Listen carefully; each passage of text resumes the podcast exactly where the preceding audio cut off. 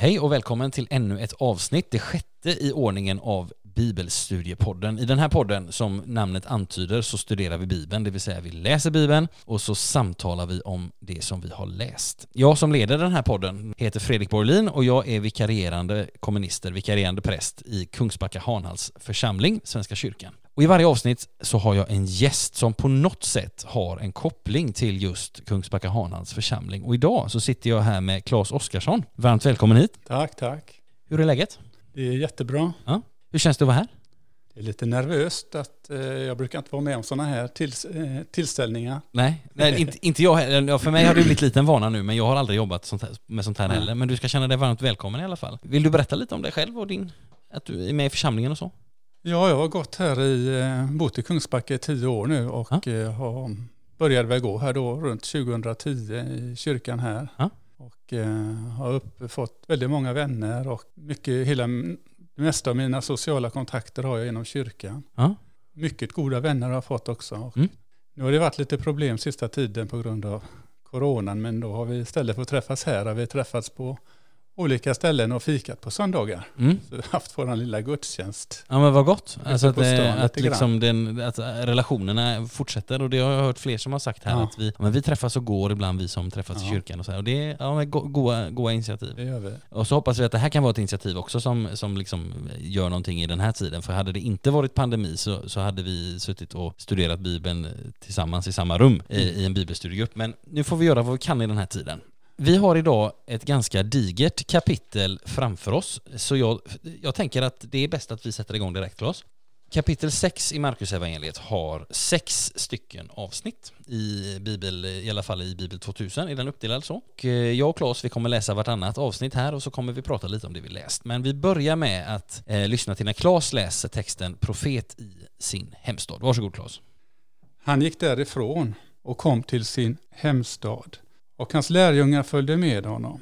När det blev sabbat undervisade han i synagogan och det är många som hörde honom häpna och sa Var har han detta ifrån? Vad är det för visdom han har fått så att han kan utföra sådana underverk med sina händer? Är det inte snickaren, Marias son och bror till Jakob och Josef och Judas och Simon? Bor inte hans systrar här hos oss? Så blev han en stötelsesten för dem. Men Jesus sa till dem, en profet blir ringaktad bara i sin hemstad, bland sina släktingar och i sitt hem. Han kunde inte göra några underverk där, utom att bota några sjuka genom att lägga sina händer på dem. Och han förvånade sig över att de inte ville tro. Ja, tack så mycket. Ja, vi har haft på vår Markusvandring så här långt så har vi fått några små inblickar i Jesu familj. Ehm, jag minns särskilt något avsnitt ifrån ett tidigare kapitel där, det, där Jesus säger det här när, när Maria och bröderna kommer och, så, och är lite oroliga för Jesus. Och så säger Jesus att eh, vem är min mor och mina bröder? Var och en som gör Guds vilja och sådär. Så att det är lite intressant det här att, att eh, Jesu relation till sin familj, den är, inte helt, den är inte helt tydlig. Men vi får några inblickar sådär under, under resans gång. Och det är, är extra viktigt i Markus evangeliet för till skillnad från Matteus och Lukas som ju berättar om Jesu barndom på olika sätt så får vi faktiskt ingenting om Jesu barndom här i Markus utan vi får några familjebilder här. Vad tänker du på Claes när du, eh, när du läser dem, när du hör de här verserna? Jag antar, antar att det är det här eh, från eh, Lukas 4.18 när han säger, han läser ju i synagogan där ur Jesaja, Mm. att han har sänt ett glädjebud till de fattiga och så här. Och, Mm. De tycker detta är fantastiskt, de som lyssnar på det här och är fantastiska ord, underbart. Och ända tills de på något sätt då plötsligt går upp för dem att oj, det är ju Josef och Marias son som Ja, kommer Ja. härifrån. Ja, Hur kan han tala så vist och så fint? ja, Ja, just det här också då att eh, han säger att eh, den som Jesu, Jesaja pratade om i, i Lukas 4.18, mm. Att det är jag. Ja, det, ja, ja men absolut. Alltså det är precis det här de hör det han säger och de tar, till sig det och sen så bara, men vänta nu, den här killen känner vi ju, han är ju snickarens son. Eller liksom sådär. Och att, att jag tänker att det kan tala någonting till, in till oss idag också, att, att jaha, har han, går han i kyrkan? Eller liksom, ja, alltså sådär, att det, det, det är inte alltid lätt det där med våra närmsta. Det är, inte- det är inte alltid så lätt. Jesus visste antagligen redan innan han, innan han kom till eh, Nasaret Mm. Att det skulle bli så här. För Ja. att det var säkert inget nytt ens på den tiden. Nej. Och jag, jag tänker på det, alltså några av de här personerna som, som vi läser om här, de, de kommer ju tillbaka senare. Alltså man brukar säga att Jakob som vi har hört talas om här, en bror då, han, han kommer ju till tro senare och skriver Jakobsbrevet. Och Judas, eh, inte att blanda ihop med Judas Iskariot, men, men Judas som nämns i den här texten är ju också en bror till Jesus som kommer till tro sen och som skriver Judasbrevet brukar man säga. Och sen så står det att han har några systrar också, hans systrar, så det är minst två. Det kan vara betydligt fler, men, men vi vet inte. Det är, det är intressant att tänka på tycker jag, att Ska vi se hur många syskon finns det här? Det är bror till Jakob och Joses och Judas och Simon och hans systrar. Det är minst två. Då är det alltså minst sex syskon och med tanke på att de här personerna förmodligen är ungefär samma ålder som Jesus yngre då, men så får man ju tänka sig att oj, de har många barn och barnadödligheten var ju hög på den här tiden så att det, det var en stor familj. Ja, ja. Ehm, systrarna vet vi ju inte vad de heter. En, en senare fornkyrklig tradition benämner de Maria och Salome och det kan ha funnits fler systrar men, eh, och det är inte otänkbart, Maria och Salome är två jättevanliga eh, judiska namn så varför inte? Jag tänker på en annan sak som är intressant här, det är ju det här som Markus skriver allra sist att han kunde inte göra några underverk där utom att bota några sjuka genom att lägga sina händer på dem. Och han förvånade sig över att de inte ville tro. Ja, jag tycker, jag tycker det är intressant att han kunde inte göra några, han kunde inte göra några underverk där. Alltså det är på något sätt, är, är, är Gud beroende av oss? Nej, det, det är han inte, men han, hans kraft kanaliseras genom att vi tror, tror jag. Så tror jag man kan säga. ja absolut. Och sen är det intressant att Markus skriver att de inte ville tro. Det vill säga tron som ju kan vara en längtan och det kan vara en förtröstan, en förhoppning, en försanthållning. Men det är också en viljehandling. Att jag måste vilja också. Jag tycker ja, det, det är en god påminnelse där. Kanske är det med det, att Jesus kom från den staden och som att de, att de kände igen honom. Han kan absolut inte vara en profet. Och eh, därför så trodde de inte heller. Nej men precis, och jag, jag är inne på det som du säger där, att han måste ju på något sätt ha haft lite, alltså, och han har ju också träffat sin, haft lite mellanhavande med familjen innan. Och när han säger det här, en profet blir ringaktad bara i sin hemstad, alltså, då går han ju också tillbaka på gammaltestamentliga traditioner. Så att, ja, det, det finns mycket att gräva i även i korta avsnitt alltså. Men jag tänker att vi gör så att vi går vidare till eh, avsnittet De tolv sänds ut och det ska jag ta och läsa, det står så här. Han vandrade från by till by i trakten däromkring och undervisade. Han kallade till sig de tolv och sände ut dem två och två och gav dem makt över de orena andarna. Och han sade åt dem att inte ta med sig något mer på vägen än en stav, inget bröd, ingen påse och inga pengar i bältet. Sandaler fick de ha, men inte mer än en skjorta. Och han sade till dem, när ni har tagit in i ett hus, så stanna där tills ni ska vidare. Och är det någon plats som inte vill ta emot er och inte vill höra på er, så fortsätt därifrån och skaka av dammet under era fötter. Det ska vittna mot dem. De gav sig iväg och predikade att alla skulle omvända sig. Och de drev ut många demoner och smorde många sjuka med olja och botade dem. Ja, vad tänker du här Claes?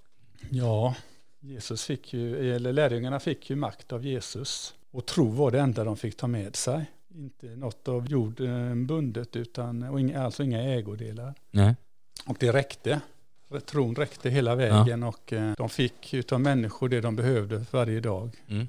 Mat och husrum. Mm. Och jag tänker det ligger i, i det här så, ligger det också lite en, en utmanande fråga till oss idag. Att vågar vi tänka så, leva så? Det vågar vi tänka så ja, men eh, knappt någon gör det. Ja. Nej men det, det, för det, det är lite, det är ju också så här att Bibeln utmanar oss och det här är ju ett typiskt sånt, sånt exempel. I, när vi eh, läste kapitel 3 för några avsnitt sen så, ehm, så utsåg ju Jesus sina lärjungar och då redan där så, så berättade Markus om lite vad det här eh, skulle innebära de, att de, för de här tolv. Men i, idag så när vi läser kapitel 6 så får vi det lite mer svart på vitt, det här vad, vad de gör. Och det man kan konstatera det är att lärjungarna gör det som Jesus gör. Det vill säga de, går, de gav sig iväg och så predikade de precis som Jesus undervisade och förkunnade. De förkunnade eller predikade att alla skulle omvända sig och det är det första vi hör Jesus säga i Markus evangeliet 1 och 15 att eh, tiden är inne, Guds rike är nära. Omvänd er och tro på budskapet. Så drev de ut demoner, precis som vi har läst flera gånger så här långt att Jesus har gjort. Och så smorde de många sjuka med olja och botade dem. Och det, det läser vi inte att Jesus gör. Han smörjer ingen med olja, men däremot så botar han dem. Så att det, jag tycker det är en god påminnelse om att det som Jesus gör, det ska hans lärjungar göra. Och det gäller ju Ja. även i Kungsbacka 2021 för Fredrik och Claes. Och jag, jag tänker det, det, det, är intressant när vi, läser, när vi läser de här texterna och ibland så möter man på människor ibland så har jag i alla fall tänkt den tanken att wow, tänk om man fått vara med då liksom på Jesu tid eller på Bibelns tid och, och få liksom gå omkring där och höra honom predika och kanske följa honom och sådär och det står ju jättemånga gånger att det är många stora skaror som följer honom. Så här. Men så tänker jag så här, alltså Gud gör ju inga misstag. Han tänker ju inte så här att ah, jag skulle satt in Klas på 1500-talet istället, utan, utan vi är ju kallade idag Ja. Du och jag och, och, alla andra, att ja, men vi är kallade att vara utsända i den här tiden liksom, och, och, på de plats där vi finns. Sen kan man fortfarande få drömma sig tillbaka hur det hade varit och man, man kan fortfarande åka till Israel. Ah, inte nu kan man inte göra det, men, men när corona är över så kan man göra det och ändå få, få lite grann av det där. Mm. Jag tänker på en sak till innan vi, innan vi går vidare och det är det här som Jesus säger att när ni har tagit in i ett hus så stanna där tills ni ska vidare. Och, och, det kan ju vara lite, det kan låta lite ologiskt att det är klart att man stannar tills man ska vidare. Men jag tror att det som Jesus menar här är att när ni har kommit till en stad och ni har hittat ett hus att bo i, eller en familj att vara hos, så var kvar där tills ni ska vidare till nästa stad. Ta ja. inte en natt på varje ställe, utan förbli på en plats. Det är ingen idé att bli tjenis med alla, utan försök hellre lära känna några. Ja, Vilket ja. påminner oss om att det här att leda människor till Jesus, det kan ta lång tid. Det kan ta lång tid, men det går. Om vi låter oss ledas av honom. Men, men just det här, jag, jag, tycker det är en god påminnelse. Alltså att när ni har tagit in i ett hus, mm. så stanna där mm. tills ni ska vidare. Mm. Och de människorna som tog emot, det är husets ägare som tog emot dem och lät dem bo där. Det var naturligtvis en, den typen av människa som de sökte. Det var människor mm. som var, hade gästfrihet och så. Ja. Och eh, kanske på det viset även kunde ta emot budskapet lättare. Ja.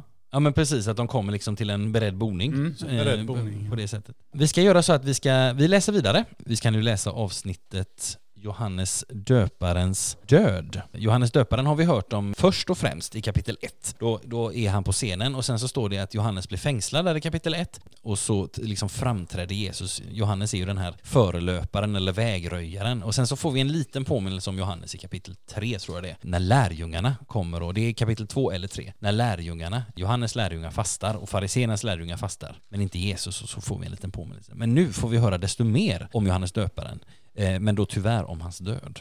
Varsågod Claes. Hans namn hade nu blivit känt och kung Herodes fick höra att folk sa Johannes döparen har uppstått från de döda. Det är därför dessa krafter verkar genom honom. Men några sa att han, han var Elia, andra att han var en profet, en i raden av profeter. När Herodes hörde detta sa han Johannes, han som jag lät halshugga, det är han som har uppstått. Herodes hade nämligen låtit gripa Johannes och sätta honom i fängelse. Anledningen till det var Herodias, hans bror Filippos hustru. Henne hade han gift sig med. Och Johannes hade sagt till Herodes, det är inte tillåtet för dig att leva ihop med din brors hustru. Därför var Herodias förbittrad på honom och ville döda honom, men kunde inte. Ty Herodes hade respekt för Johannes, som han visste var en rättfärdig och helig man och skyddade honom och när han hade hört honom kände han sig mycket osäker och ville höra mer av honom. Men en dag kom hennes tillfälle och det var när Herodes firade sin födelsedag med ett gästabud till sina stormän och överstarna och de främsta i Galileen. Herodias dotter kom då in och dansade så att Herodes och hans gäster blev förtjusta. Kungen sa till flickan, be mig om vad du vill och du ska få det. Och han lovade och svor, vad du än ber mig om ska jag ge dig, om det så vore halva mitt rike. Då gick hon ut och frågade sin mor, vad ska jag be om? Hon svarade, Johannes döparens huvud. Flickan skyndade in till kungen och bad honom, jag vill att du genast ger mig Johannes döparens huvud på ett fat. Kungen blev bedrövad, men för edens och gästernas skull ville han inte säga nej till henne, utan skickade en livvakt med befallning att hämta Johannes huvud. Soldaten gick och halshögg honom i fängelset och kom sedan med hans huvud på ett fat och gav det åt flickan. Och flickan gav det åt sin mor. Men när Johannes lärjungar fick reda på det kom de dit och hämtade hans döda kropp och lade den i en grav. Ja, tack så mycket. Det här, är en, det här är en väldigt märklig text på många sätt, eller lite annorlunda. Dels så, så är det här en, en utvikning i berättelsen som inte är så vanlig, Markus. Han, han berättar väldigt ingående om hur Johannes döparen dör. Det är lite, det är lite ovanligt, för annars är inte Markus den som berättar liksom bakgrundshistorien så mycket till liksom Jesu barndom eller, eller sådär. Utan det, men, men här får vi liksom nästan lite undantaget som bekräftar regeln. Vad tänker du på Claes när du, när du läser detta, när du hör detta? Det var ju så att Herodes trodde ju att Jesus var den uppståndne Johannes. Eh, Just det, ja. eh, för han hade ju låtit halshugga honom. Ja, men precis. Ja, det, det får vi veta ett annat skede sen. Ja, precis. Det är lite svårt här i början när jag började läsa här. eh, Att, men det jag pratade om, men det var ju alltså Jesus som namn som hade blivit känt där. Mm. Och han trodde då att Johannes hade uppstått och blev naturligtvis väldigt rädd för detta, vad det Mm. skulle innebära. Sen var det naturligtvis inte bra med stora fester. Herodes visade det här, han hade fått i sig för mycket och han lovade vitt och brett. Halva sitt kungarike kunde hon få om hon ville, men valde då genom sin mor Herodias att få Johannes huvud på ett fat. Mm. Man kan säga att hela den här texten andas ju någon slags väldigt osund gränslöshet. Ja, absolut. Eh, Så, så att liksom Herodes har gift sig då med sin svägerska, vilket då Johannes påpekar, det är inte tillåtet och det har han eh, också helt rätt i. Tredje Mosebok 18-16, det är inte tillåtet att, att göra detta eh, och jag tänker också bara den här miljön som liksom att eh, hon dansar och de blir lite förtjusta där och, och han lovar vad som helst och, och sen har vi ändå hört att, att Herodes har ändå skyddat Johannes tidigare. Han har tyckt att han har varit en helig man och, och sådär men, men, men det verkar ändå som att hans, som det står då för edens och gästernas skull vill han inte säga nej till henne. Alltså Nej. man kan ju, man kan ju tänka om, om Herodes och, och Johannes döparen hade pratat innan. Vad ska Herodes säga då? Du, alltså jag tycker du är helig och, och en, en bra person men nu är det så att jag lovade lite dumt här på festen så tyvärr måste vi halshugga dig nu. Alltså det, det, det, det är väldigt, det är alltså smaklöst på något sätt. Ja, väldigt Ehm, smaklöst. det är intressant också, det, det råder delade uppfattningar här. Vissa tror att han är Elia och det, det är inte så konstigt för att eh, när vi läser i Markus 1 om eh, Johannes så har han ju eh, läderbältet och kamelhårskläderna precis som profeten Ja. Elia hade. Men, men den, här, den här texten den, den står framförallt ut för att man blir ganska illa berörd tycker jag. Ja. När, man liksom, när, man, när man läser eh, och när man hör om det. Och då framförallt tycker jag det här att just att Herodes å ena sidan verkade ha någon slags respekt för Johannes men ändå så betyder den här eden på någon fest så mycket. Det är, det är väldigt, hans, hans kompass är, den, den snurrar åt alla håll alltså. Som kung vill han väl inte tappa ansiktet inför gäster. Och Nej, nej, det är klart, och det- sen eh, där vinet går, in går vettet ut. De säger det. Så att eh, där har vi ett bevis på det. Behöver man, behöver man bevis på det så kan man alltid gå till, till Markus kapitel 6 i alla fall. Ja. Nu ska vi röra oss till en, eh, som jag uppfattar det, lite mer uppbygglig, en lite mer uppbyggligt avsnitt. Jag ska läsa för er eh, avsnittet Mat åt 5000, Markus 6 från vers 30 och framåt och då står det så här. Apostlarna samlades hos Jesus och berättade för honom om allt de hade gjort och vad de hade undervisat om. Han sade till dem, följ med mig bort till en öde trakt så att vi får vara ensamma och ni kan vila er lite. Det var så många som kom och gick att de inte ens fick tid att äta. De gav sig av i båten till en öde trakt för att vara ensamma. Men man såg att de for och många fick veta det och från alla städerna skyndade folk dit till fots och han före dem. När han steg i land fick han se en stor skara människor. Han fylldes av medlidande med dem för de var som får utan herde. Och han undervisade dem länge.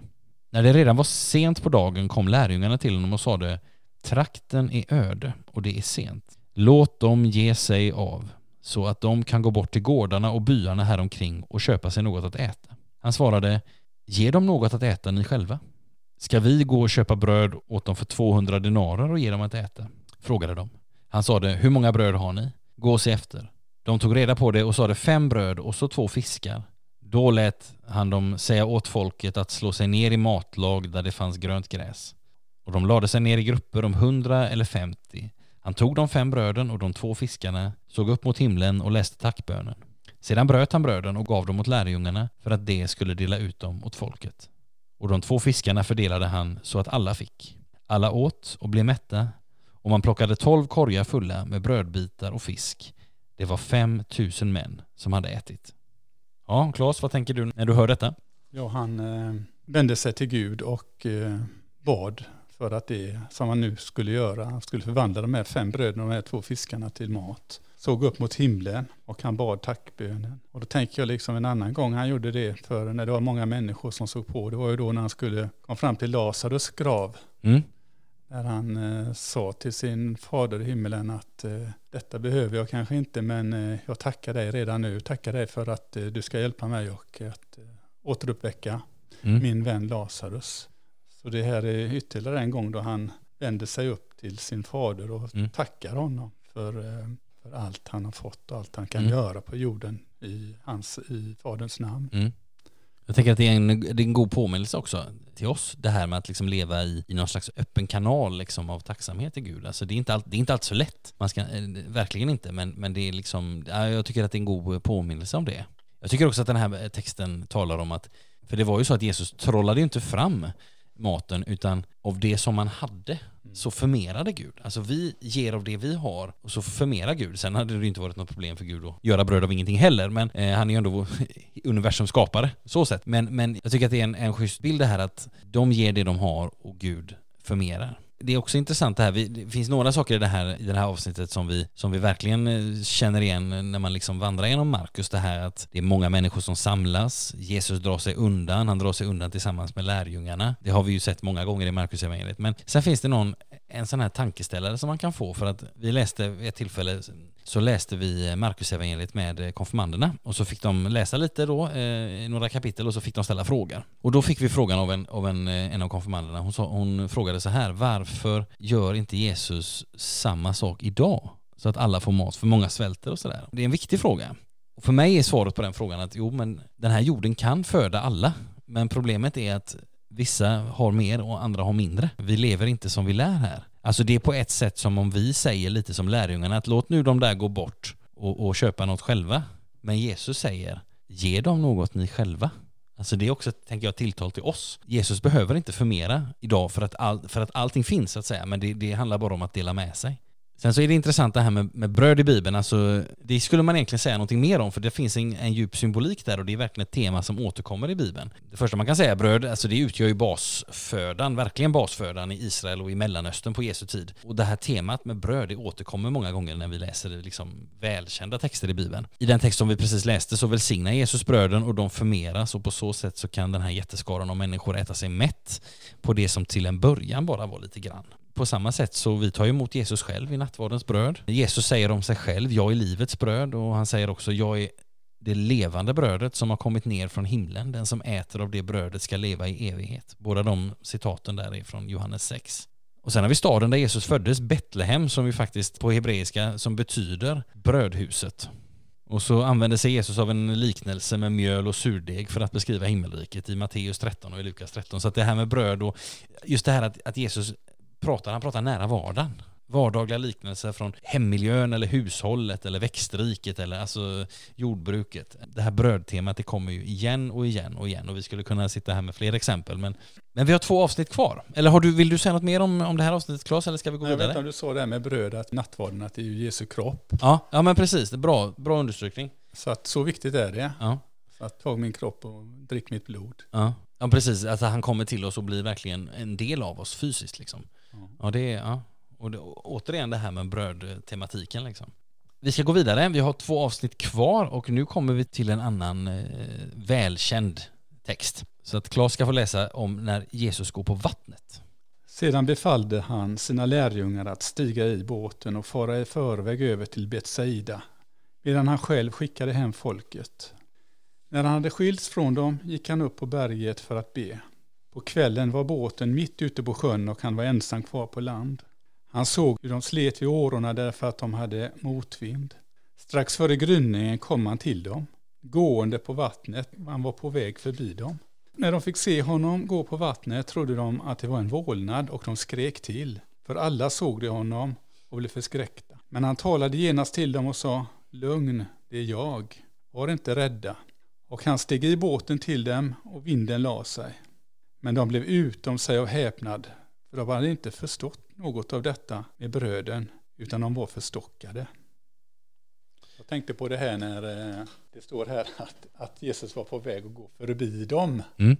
Att lugna vågorna, lugna ha eh, vattnet framför dem, eh, kanske från början var meningen, men att mm. de då blev så förskräckta när de såg honom gå förbi där. Mm. Att de började skrika och han var tvungen att gå i båten för att lugna ner dem att han då, jag har liksom aldrig tänkt på att han var egentligen kanske på väg att gå förbi båten och gå framför och lugna vattnet och inte någonsin gå ner i båten till då. Nej, just det. Det har jag aldrig tänkt på, men det har du väldigt rätt i. Ja, jag tänkte det kan ju ligga någonting i det, men ja. eh, som sagt, han var ju tvungen att gå ner och trösta dem lite. Det är jag, det är ja. bara er herre som går på vattnet. Ja. Jag, när jag alltid, ibland när jag tänker på den här texten så, så tänker jag tillbaka på när man var, jag gick i högstadiet och sådär och hade väl, kan man säga, börjat liksom vandringen mot att bli kristen och sådär och, hängde i kyrkans ungdom och sådär och, och, och det kom ju så att säga andra människor till kännedom, folk som tyckte att det här är ju bara sjukt orimligt liksom och, Ja. eh, och sådär och, och, kan du tro, och det var ju ofta en sån här återkommande, "Ja, hur kunde du tro att han kom på vattnet? Liksom. Jag tänker där måste man också säga liksom, att det är klart att det är orimligt att Jesus går på vatten, men då tänker man att ja, men det är ju för att det är orimligt att människor gör det, men Jesus var ju ingen magiker som kunde lite tricks. Han är ju så att säga av samma väsen som fadern som har skapat hela universum, som, som har liksom satt alla lagar för allting. Liksom. Om man börjar där, att det finns en skapare och att det finns en gud, och den guden blir människa och vill ha med oss. Om den guden då går på vatten, det är ju som om du och- eller jag äter ett äpple, det är ju, det är ju inget konstigt liksom. Nej. Men, men jag, kommer, jag minns den här texten som att liksom, ja men tror du att han kunde gå på vattnet? Liksom. Ja. Eh, och då tänkte jag, för man läste lite Bibeln och sådär, och tänkte ja, det finns betydligt mer, det finns betydligt svårare grejer än att gå på vattnet, eh, som han gör. Men, men eh, ja, det, det blev inte så långa diskussioner där. Nej, Jag tänkte också tagit upp det liksom, för Ja. att det är alltid det här som folk gör sig roliga på. Ja. När det gäller Jesus och, och kristendomen, att han gick på vattnet. Ja. Ja. Trots att som sagt det är väl det minsta han gjorde, det minsta miraklet undret han gjorde under sin tid på jorden här. Ja men, ja, men, ja, men faktiskt, alltså, på, på många sätt kan man säga det, att, att liksom, men det, är så, det är så välkänt och därför är det så ett tacksamt exempel på något sätt. Och jag, och jag tänker just där att alltså, jag, jag kan inte tala för andra, men min väg mot, mot liksom tro, det handlar inte om att övertyga sig själv om att någon viss kan göra liksom orimliga saker, utan det handlar om att det är en längtan och också mycket funderande och tänkande att ja, men, om det finns en mening i tillvaron, om det finns en gudomlig mening med tillvaron och om Bibeln talar om detta och man, man upplever också att man får en kontakt med Gud, alltså om denna Gud som vi kallar allsmäktig, du går på, på, på vattnet på en liten sjö i Mellanöstern, det, det är inget konstigt. Det, man, då är det egentligen konstigt, varför kunde han inte gå på Lygnen här i Kungsbacka kommun? Liksom? Men alltså, så det, det, det är inte så konstigt tycker jag. Men, men visst, jag förstår att det är ett hinder för människor. Men då, då ska man, när man kommer till ett hinder så behöver man ibland gå runt dem. Inte riva ner dem utan och se, mm, men då kanske det är ett annat hinder jag ska hoppa över först. Ja. Och börja liksom i tillvarons större frågor. Jag vet inte. Sen tycker jag när man läser den här texten så får vi också vi blir liksom hela tiden påminna om vad är det Markus vill säga, vad är det, vilken historia vill han berätta? Och eh, en sån där sak det är ju lärjungarna, att de har inte fattat så mycket. De hade inte förstått det här med bröden, det är ju konstigt tycker vi, utan de var förstockade. Det är ju ett återkommande tema i Markus det här att, att lärjungarna de, de, är inte, de förstår inte alls liksom och, och de misstar sig många gånger och de faller till föga många gånger. Men ändå är de där och det tycker jag det är så skönt för det är inte, Bibeln är inte full av perfekta exempel. Jo, ett perfekt exempel, Jesus, men alla andra är väldigt imperfekta. Och det är, det är ganska skönt för då kan jag också känna igen mig. Ja. Vi har, vi har en text kvar som jag ska läsa för er. Den heter, i min översättning så heter den De sjuka i Genesaret. Så jag läser för er. När de hade farit över sjön kom de till Genesaret och gick i land där. Så snart de steg ur båten kände folket igen honom och skyndade ut till de sjuka i hela trakten och bar dem på deras bäddar dit där de hörde att han var. Och i alla byar och städer och gårdar som han kom till lade man de sjuka på de öppna platserna och bad honom att de åtminstone skulle få röra vid tofsen på hans mantel. Och alla som rörde vid honom blev helade. Ja, det är en, en av de här sammanfattningarna som finns i Markus evangeliet, vilket påminner oss om någonting viktigt när vi läser Bibeln, nämligen att evangelierna är inte allt. Evangelierna är axplock av allt det som Jesus sa och gjorde. Och ibland så påminner Markus om det genom att på ett sånt här sammanfattande sätt berätta att ja, men han gick omkring och överallt där han var, där gjorde man på det här och det här sättet. Har du något mer som du tänker på kopplat till denna eller kopplat till kapitlet, eh, Claes? Nej, överhuvudtaget de tre åren som Jesus gick här, ja, Ja. om det nu var tre år, men ungefär där, Ja, så var det naturligtvis så att eh, han eh, gjorde otroligt mycket. Jag menar, vad finns det text i evangelierna? mm. Och han gjorde det kanske här totalt eh, 20-30 dagars eh, Mm. handlingar. Mm. Sen var det ju ytterligare då så många mer saker Mm. han gjorde som inte är nedskrivet. Så det är klart att han sammanfattar här lite, Markus då. Att, Mm. eh, för jag menar bara den här saken, han gick omkring här i byar och gårdar som han kom till, så låg man sjuka på de öppna platserna och eh, de var hemma i sina byar och hämtade folk och kom med sjuka från hela trakten med bårar. Mm. Jag menar, bara den, eh, det lilla kapitlet här, Ja. Kanske en hel månads Ja, arbete jajamensan. Mm. som vi har här nu då bara på, som man kanske kan tro kanske bara är någon dag eller två, va? men Mm. om man läser texten noga så är det nog uppåt en månad eh, eller kanske ännu mer som han Ja. är i denna trakten och Mm. eh, så många blir botade då. Mm. Och jag tänker också, och då kan man fråga så här, hur, hur kan vi då veta, eftersom vi inte vet, som du mycket klokt pekar ut Claes, eftersom vi inte kan veta om det här är två veckors jobb eller om det är fem veckors eller tre månader, alltså vi vet ju inte, Nej. utan, men vi, får, vi, vi, vi vet att det är mer, vi förstår när vi läser texten, att det är mer än bara en dags jobb så att säga. Men då kan man fråga sig, hur kan vi då veta, hur, hur, va- varför säger man nästan alltid att Jesus liksom var tre år på jorden? Eller liksom att han var, det var han ju inte, han var ju 33 år eller någonting, men, men att han var Verksam, verksam i tre år, precis. Och då, då får man gå till, till evangelisten Johannes. Och när man läser Johannes så, så får man höra om, för Johannes berättar flera gånger om att saker händer vid olika judiska högtider. Och Jesus beger sig till Jerusalem eh, vid den högtiden och vid den högtiden och vid den högtiden. Och, och när man liksom lägger dem efter varandra, ja först är det den och sen så hänvisar man till nästa högtid och så till nästa högtid och så kommer första högtiden kanske igen. Och då ser man att ja men det här är ungefär tre år. Så det är ingen sådär tid som man har hittat på utan man har räknat ut det. Och sen, och det är det fina i kråksången, att i slutet av Johannes evangeliet så står det precis som vi har pratat om nu och som du tog upp Claes, det vill säga Johannes skriver så här. Jesus gjorde också mycket annat. Och om var sak skulle skildras för sig tror jag inte att hela världen skulle rymma de böcker som då måste skrivas. Det kan man ju, där får vi en, en liten bild av det, precis som du säger Claes, att vi, vi vet inte hur, men vi vet att det är mycket. Vi vet att det är väldigt mycket. Ja, för texterna i evangelierna, de, eh, är som sagt inte heltäckande antagligen. Nej. Utan han, många, många, många dagar, många, många veckor som inte de beskriver, som Nej. han gör andra saker och Ja. som inte är nedskrivet. Men det Nej. var ju bra utav Johannes att skriva så Ja, på slutet. Så får vi en liten påminnelse.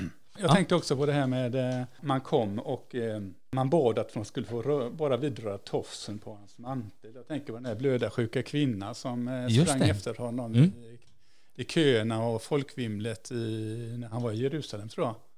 Ja, det var det kanske. Ja. Och, och till slut lyckades så eh, slänga sig fram och röra vid hans mantel och Ja. bli frisk där. Mm. Det här visar ju att det är otroligt många människor som eh, blir helade. Mm. Både av att han rör vid dem, och- men att eh, till och med bara att de rör vid honom. Och kanske Mm. inte ens bara honom, utan det räcker bara med att röra vid hans klädedräkt. Ja. Så blir de friska då. Och det, det är precis det här som är för att eh, vi läser ju om många helanden i, i, ja, i evangelierna i stort, men och inte minst i, i eh, Marcus evangeliet så finns det mycket helande. Man skulle väl kunna säga, för här ska vi göra en liten djupdykning nu, att det kanske vanligaste typen av berättelse i Marcus evangeliet, eller i alla fall en av de vanligaste typerna av berättelse i Markus, det är beskrivningar av Jesus hela människor. Vi har mött dem gång på gång nu. Vi är inne i sjätte kapitlet och när vi möter flera avsnitt som liknar varandra på det här sättet som vi har gjort, liksom när helandena så att säga staplas på varandra, så kan det vara till hjälp för oss om vi tar lite ett samlat grepp om dem. Och så tittar vi bara på dem och så plockar vi undan allt det andra för en stund och så tittar vi bara på helandena. För det kan vara, det är också ett sätt att läsa Bibeln. Och som en liten repetition så ska vi därför dra oss till minnes de tillfällen som Jesus har helat och som vi hittills har läst om i de tidigare fem avsnitten och även då i detta. Och i den här uppräkningen så tar vi inte med alla de tillfällen då Jesus driver ut demoner. Det är ju också ett sorts helande och en sorts befrielse, men jag tänker att de utgör liksom en egen kategori. Så vi, vi lämnar de här åt sidan så får vi en bättre överblick när materialet är lite mindre. Men nu kör vi. I kapitel 1, den första som helas av Jesus, det är Petrus svärmor och det sker genom att Jesus tar hennes hand och reser henne upp. Och sen lite senare i kapitel 1 så botar Jesus den spetälske och då gör han det genom att tala. Den här spetälske säger att Herre om du vill så kan du göra mig ren och då svarar Jesus att jag vill bli ren. Och det blir han. Och sen är vi i kapitel 2, då är det en lam man i Kafarnaum som botas och då är det också återigen Jesus talar, han säger stig upp, ta din bädd och gå. Det är den här berättelsen när vännerna bryter upp taket och så firar de ner honom. Och sen är vi i kapitel 3, mannen med en förtvinad hand och där talar Jesus återigen. Han säger håll fram handen och så blir den frisk. Sen så är det en folkmassa på stranden och då är det precis, eh, precis som vi läser om idag, att människor vill röra vid Jesus. Och sen kommer vi till kapitel 5. Där dyker faktiskt hon upp, eh, kvinnan med blödningar, och då rör hon vid Jesu mantel. Och sen så är det lite intressant för då frågar Jesus sen vem det var eftersom han kände att kraft gick ut från honom. Det är lite speciellt där.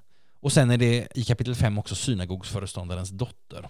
Och då står det så här, och nu, nu blir det lite, en, det, det här är intressant för då säger det så här, Jesus tar flickans hand och säger Talita kum, alltså lilla flicka, jag säger det, stig upp. Alltså vi märker att Jesu helanden går till på lite olika sätt. Och det är intressant. Dels så helar Jesus genom sina ord, eller genom beröring, att han rör vid, eller att människor liksom får tag om någonting som honom, eller som du sa Claes, hans manteltofs. Och i det sista exemplet som vi räknade upp här, synagogföreståndarens dotter i Markus 5, så verkar det som att det sker genom en kombination. Sen kommer Jesus att hela fler när vi läser vidare i Markus evangeliet. Och vi kommer upptäcka att några av de kommande helandena, tror det är kapitel 7 och 8, de har en lite annan karaktär.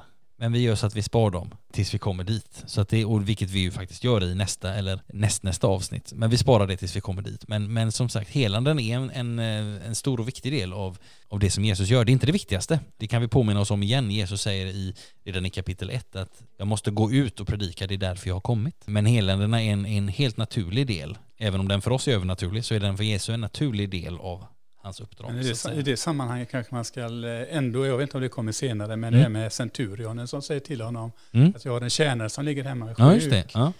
Eh, och Jesus säger jag kan gå bort hem till dig, men han säger det räcker med ett ord från dig bara. Mm.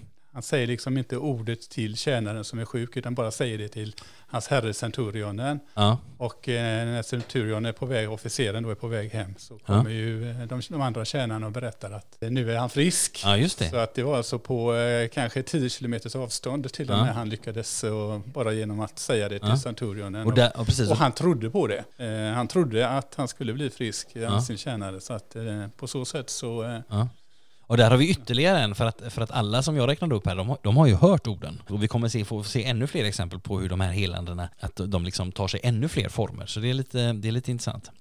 Vi har eh, läst oss igenom och pratat oss igenom Marcus evangeliet kapitel 6 och sen har vi en eh, fråga, eller egentligen en fundering till det här avsnittet som handlar om, och det, det knyter lite an till det vi har läst, eller rätt sagt det knyter an till det första som vi läste, nämligen det här med, med Jesu familj och Jesu hemstad och att det var liksom motstånd där och så. Så veckans fundering den handlar om det här att, att leva som kristen bland andra människor, att vara kristen i sin vardag. Har du någon eh, tanke där Claes?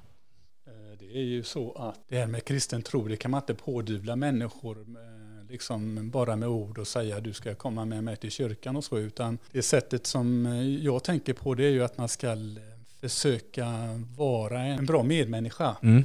Att man ska eh, prata med människor, man ska tilltala dem, man ska mm. Eh, säga hej när man kommer till kyrkan och mm. säga några ord. Många människor kanske sitter hemma väldigt ensamma och mm. Eh, går till kyrkan. De sitter i bänken och sen går de hem. De har inte pratat med en människa. Nej. Det tycker jag, det, det, det, lägger jag lite krut i alla fall här. Ja. Att jag försöker att titta och, och hälsa på ja. alla. Och så gott det går liksom. Mm. Och, och ett litet leende och så. Mm.